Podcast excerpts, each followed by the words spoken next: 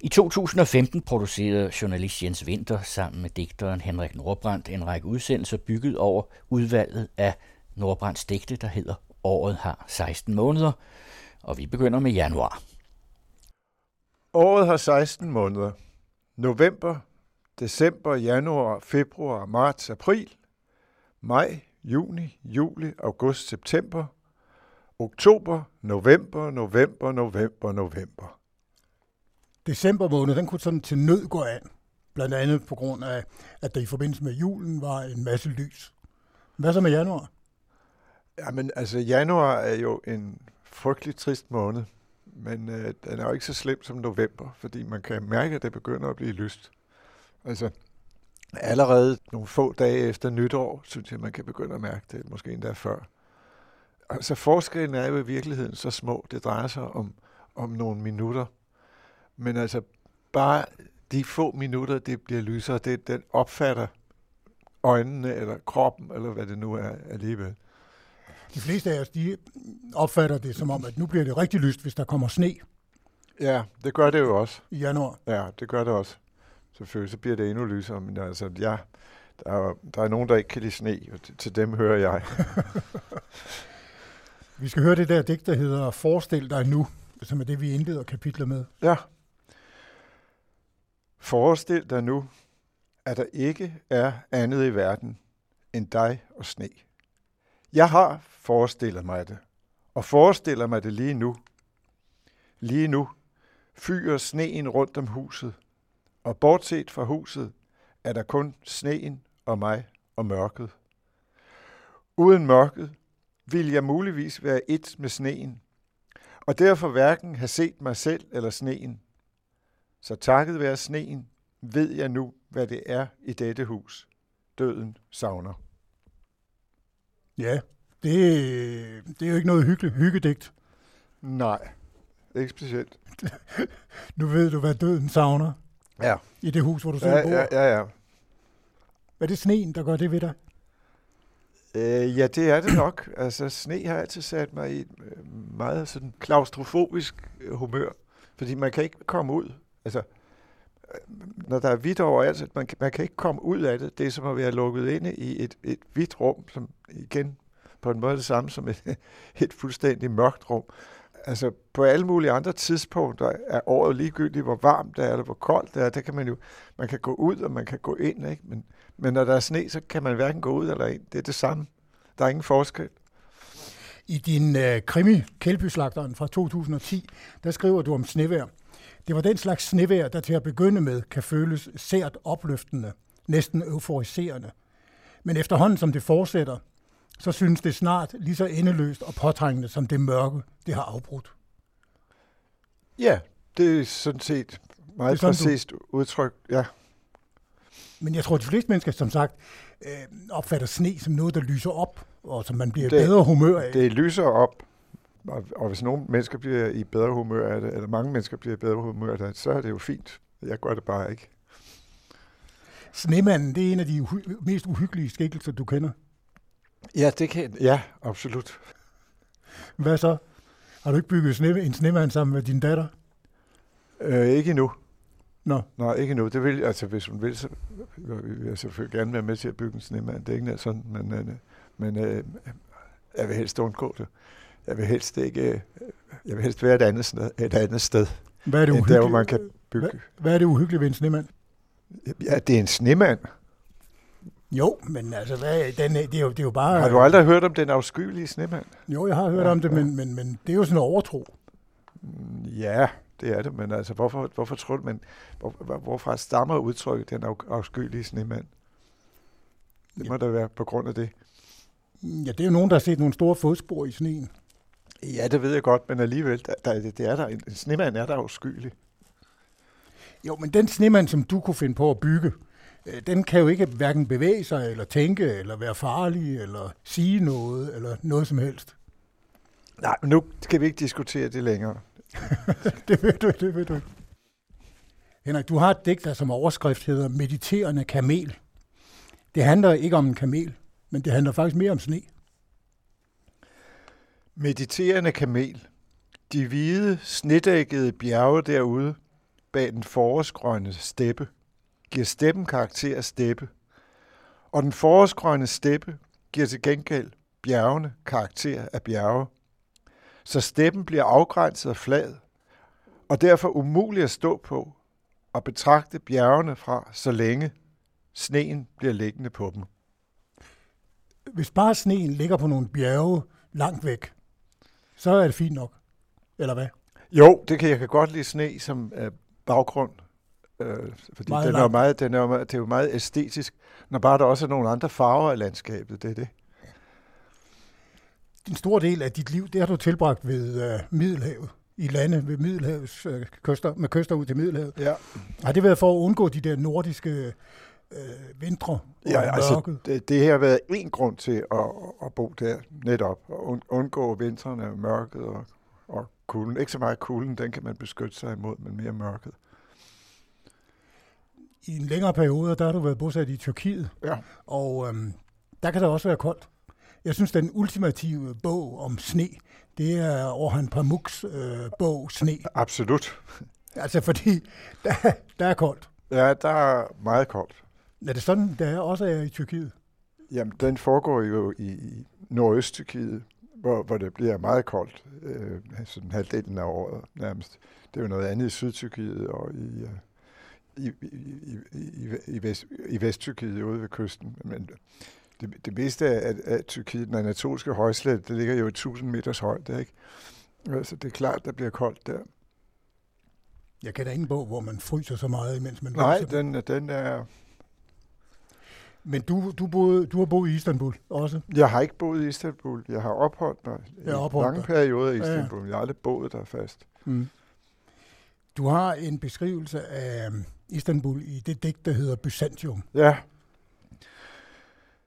Brænderøgen driver bort over de sammensunkne grave, og vinteraftens svindende lys når en grænse, hvor kun de dødsdømtes ansigter er stærke nok til at yde tilstrækkelig modstand. Kvinderne, som kalder ud i mørket for de forfaldne huses åbne døre, prøver på at fortælle mig noget, som børnene, der uvilligt afbryder deres leg i kirkeruinen, ikke forstår, og natten igennem løber sorte hængste med blodsprængte øjne løbsk i de snævre gader, når de på lyden af deres hovslag fornemmer, at rytterne i de sølvbeslagne sadler er døde for længe siden. Hvorfor det digt et, øh, en god beskrivelse af Istanbul? Jamen, det ved jeg ikke, om det er. Det forekommer mig, at det beskriver en, en, i hvert fald en stemning, Ja. som man kan opleve i Istanbul. Digtet handler om øh, en bydel i øh, Istanbul, der hedder, jeg ved ikke, om jeg kan sige det rigtigt, Øsk, Üsküdar, Øskydart. Üsküdar Ja. som ligger på den asiatiske Ja, side af Bosporus. Ja, Og det er jo et uhyggeligt sted. Øskydart. Ja. Nej, ikke specielt. Jo, jo, jo. Der ligger, der ligger en meget stor kirkegård, eller rettere sagt en ret meget stor gravplads, som er lidt uhyggeligt. Jeg tror, det var det, der, der satte mig i gang med at skrive det. Du, du har sagt, at den bydel, den har været central for din forståelse af Istanbul. Altså, lige den, den bydel, Ja. har jeg sagt det? Det kan ja. godt være. Øhm, Det siger du i vores kapitel om Orienten. Øh, Ja, jamen det kan godt, det, jamen det kan godt være. Men du har, et kan- andet, kan- du har et andet digt om Istanbul, som Ja. hedder At indtage Byzantium. Ja. Under tiden og langt borte fra må du indtage Byzantium for at drive det byzantinske blod ud af dine årer, for at befri dig selv fra dine byzantinske lemmer. De trætte, udspilede vinger, som du i dystre drømme glider ind gennem forrevne bjergpas og tunneler på. Alt det skinnende metal, som tynger dine elfenbensarme og parfumerne, som æder de tunge låg af dine øjne. Det er Byzantium, du må indtage for at beherske dem. At indtage Byzantium er en opgave for drømmere. Kun drømmere vil kunne vælge det rette tidspunkt. Øjeblikket mellem dag og nat, hvor byen nedsænkes i det gyldne lys, som gør drømmer usynlige, og som de hemmelige porte rejst af drømmer og reflekterer. Kun drømmer i deres dybeste søvn kan finde de åbninger, og guldet deres lemmer længes efter at blive befriet for. Under tiden og langt borte fra må du indtage Byzantium, for at kunne drive dig selv ud af Byzantium, for at lede dig selv udenom dig selv med den skader, for at gøre dig selv fremmed mod dens fremmede kroppe, for at gøre dig selv til genstand for den intriger, for at få dit ansigt fjernet fra dens ikoner, for at smage på dine knogler med den sammenfaldende grave. Det er Byzantium, du må indtage for at befri dig selv. Hvorfor er det så vigtigt for et menneske at indtage Byzantium? Jamen, jeg tror, at Byzantium, det står for, altså det er det, jeg skriver om med gravene til sidst. Ikke? Det handler om at dykke ned i den mest ubehagelige del af, af ens egen underbevidsthed. Øh, jeg tror, det er det, jeg mener med, med, med Byzantium. Det er noget, noget morbidt, øh, modbydeligt, der, der, der ligger meget dybt som nede. Du, som, som du er nødt som til man at er nødt til at grave op. For at, komme, for at befri netop, selv netop. Man er nødt til at udforske det for at komme videre. Men samtidig så siger du, at uh, Byzantium kan kun indtages af drømmere. Ja, ja, fordi det ubevidste, det jo ligger i drømmene, ikke? Jo. Altså, man skal ned i sine egne drømme for at, at komme, komme ned til de lag, hvor det virkelig gør ondt. Det er ikke, fordi det er så svært, så, så man faktisk skal være en lidt urealistisk øh, drømmer for at give sig i kast med det. Det kan, det kan godt være. Det ligger vel også implicit i digtet på en eller anden måde. At det, det er urealistisk. Altså. Det, er, det, er jo ikke, det er jo ikke enhver, der kan, der kan indtage en by. eller, eller Byzantium, det er jo et helt begreb. Ikke? Altså mm. en epoke, en historisk epoke. Så. Hvor meget hænger det her sammen med, øh, at Istanbul havde en stor fortid i det osmaniske rige, og måske en lidt tristere nutid. Byzantium, det handler jo om, om det, der var før det osmaniske rige. Mm. Ikke? Altså i Istanbul, der ligger jo hele den osmaniske fortid, men også, også den byzantinske fortid, som jo strækker sig meget længere tilbage. Det byzantinske er jo, er jo, ligger jo meget stærkt i, i Istanbul, faktisk. Og osmanderne overtog det byzantinske og, og ændrede sig. Deres kultur ændrede sig øh, på grund af det byzantinske. Det var jo det, øh, Atatürk ville ud af. Øh, Atatürk, som skaber det moderne ja, Tyrkiet. som skabte det moderne Tyrkiet, ja. Og det var derfor, han flyttede hovedstaden til Ankara, fordi han ville, han ville ud af, af, det, af det byzantinske og tilbage til det oprindelige tyrkiske. Hvorfor er det byzantinske sådan et stort å at bære på? Det, det, det er svært at sige, men det, det, er, det er meget tungt på en eller anden måde. Det, det, det romersk, det, det græsk-romerske rige, det, for mig står det som noget meget, øh, som en meget sådan øh, dekadent kultur, ikke? Også sådan en, en kultur, der, der, der gik under. Det var jo en meget rig kultur på mange måder, ikke? Men, men øhm, i Istanbul, der mærker man jo, at denne her meget rige kultur, som, som er forsvundet, det er der noget, noget fascinerende, men også noget, noget, noget, meget, noget meget trist, øh, noget meget tungt ved, ikke? Øh. Byen hed jo faktisk Rom. Gjorde den ikke? Jo, altså byzantinerne kaldte sig fra, fra Rum. Og grækerne, også, på den sags skyld også. Men det er det, det, det, der også hedder det østromerske rige. Ja, ja. Men det gik jo under. Ja, det gjorde det. Kan man roligt sige. Jo, det gjorde det jo. Og det, det, det, det gik under i og med, at øh, og tyrkerne trængte ind i, i altså, den vestlige del af Asien fra Centralasien.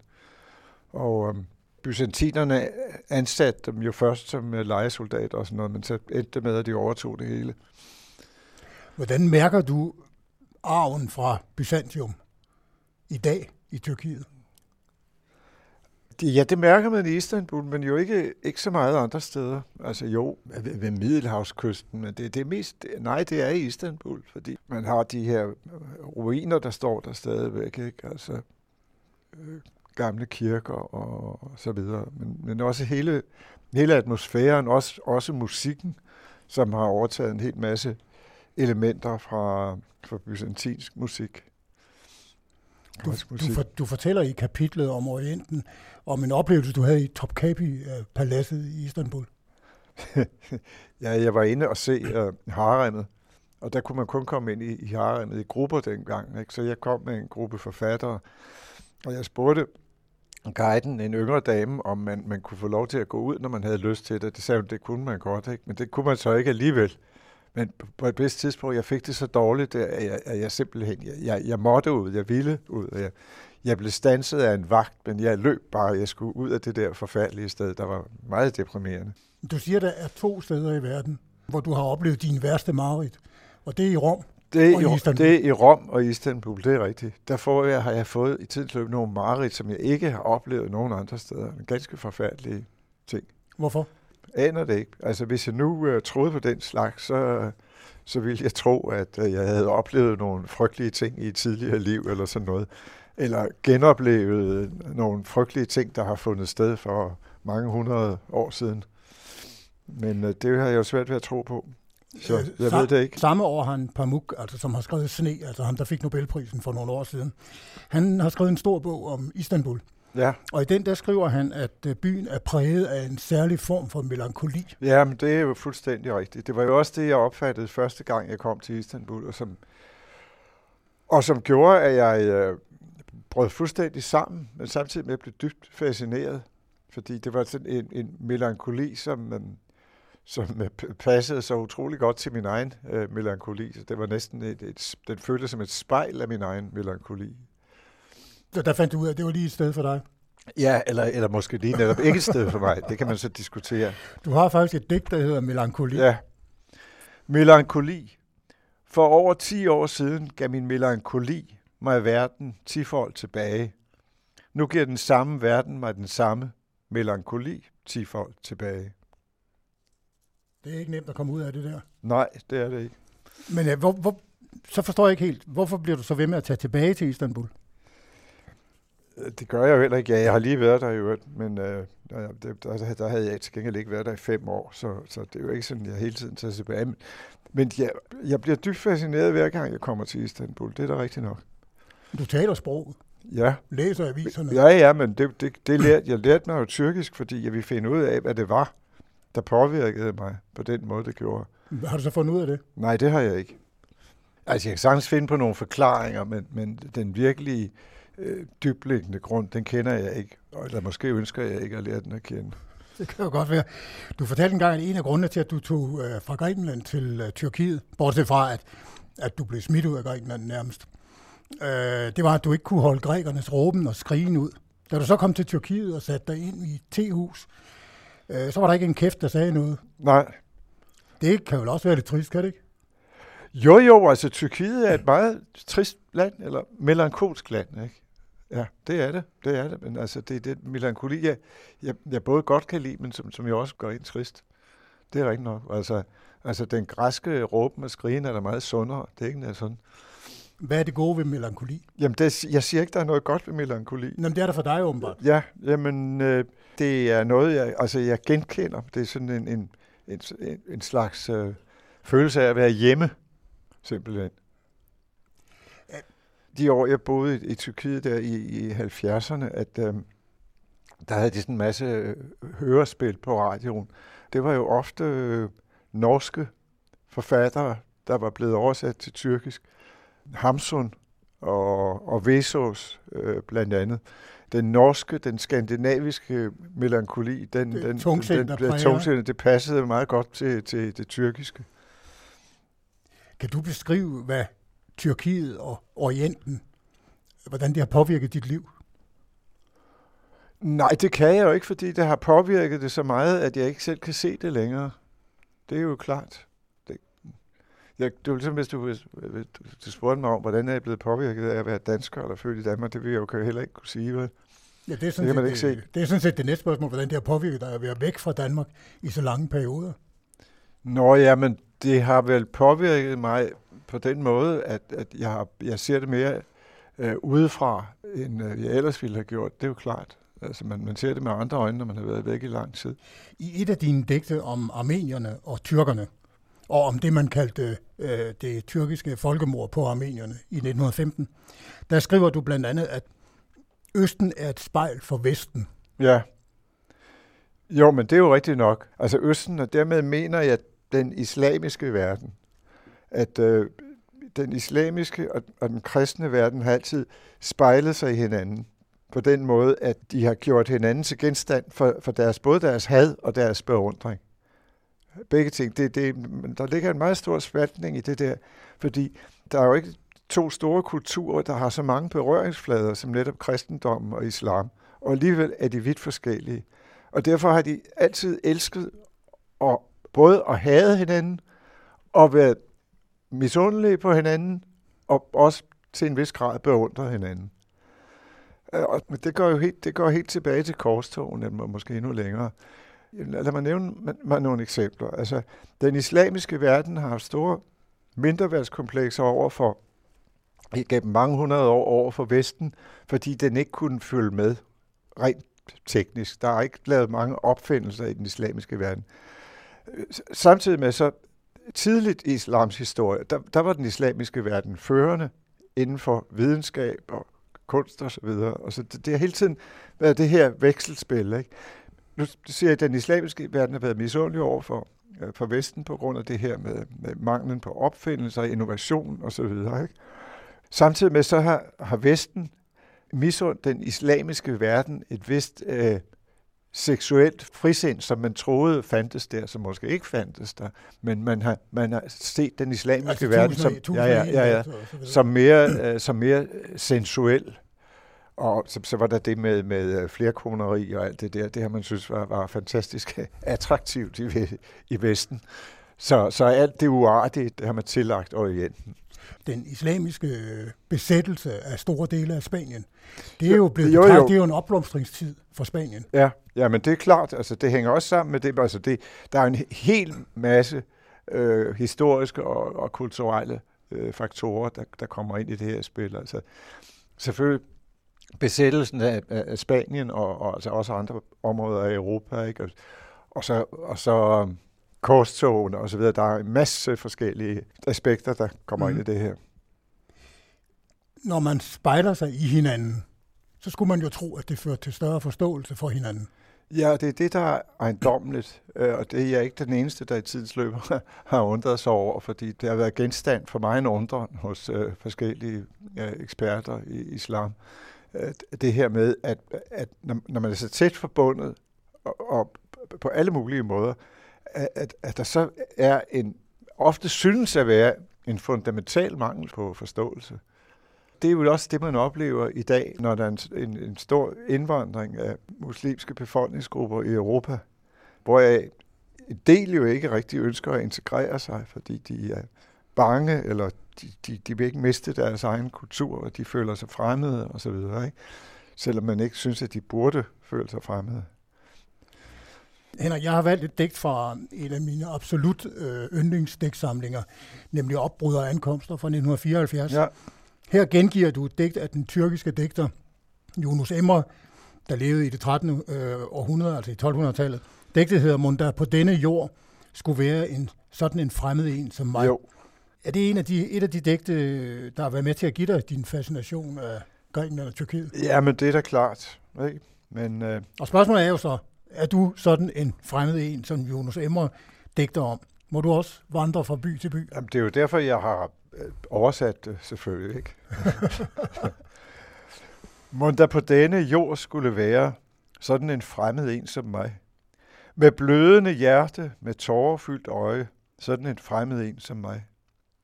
Jeg strejfer om fra Grækenland til Syrien i alle de fremmede lande. Meget har jeg ønsket, men aldrig kunne finde – sådan en fremmed en som mig. Lad mig brænde op i utallige smerter. Lad mig nå min dødsdag og dø.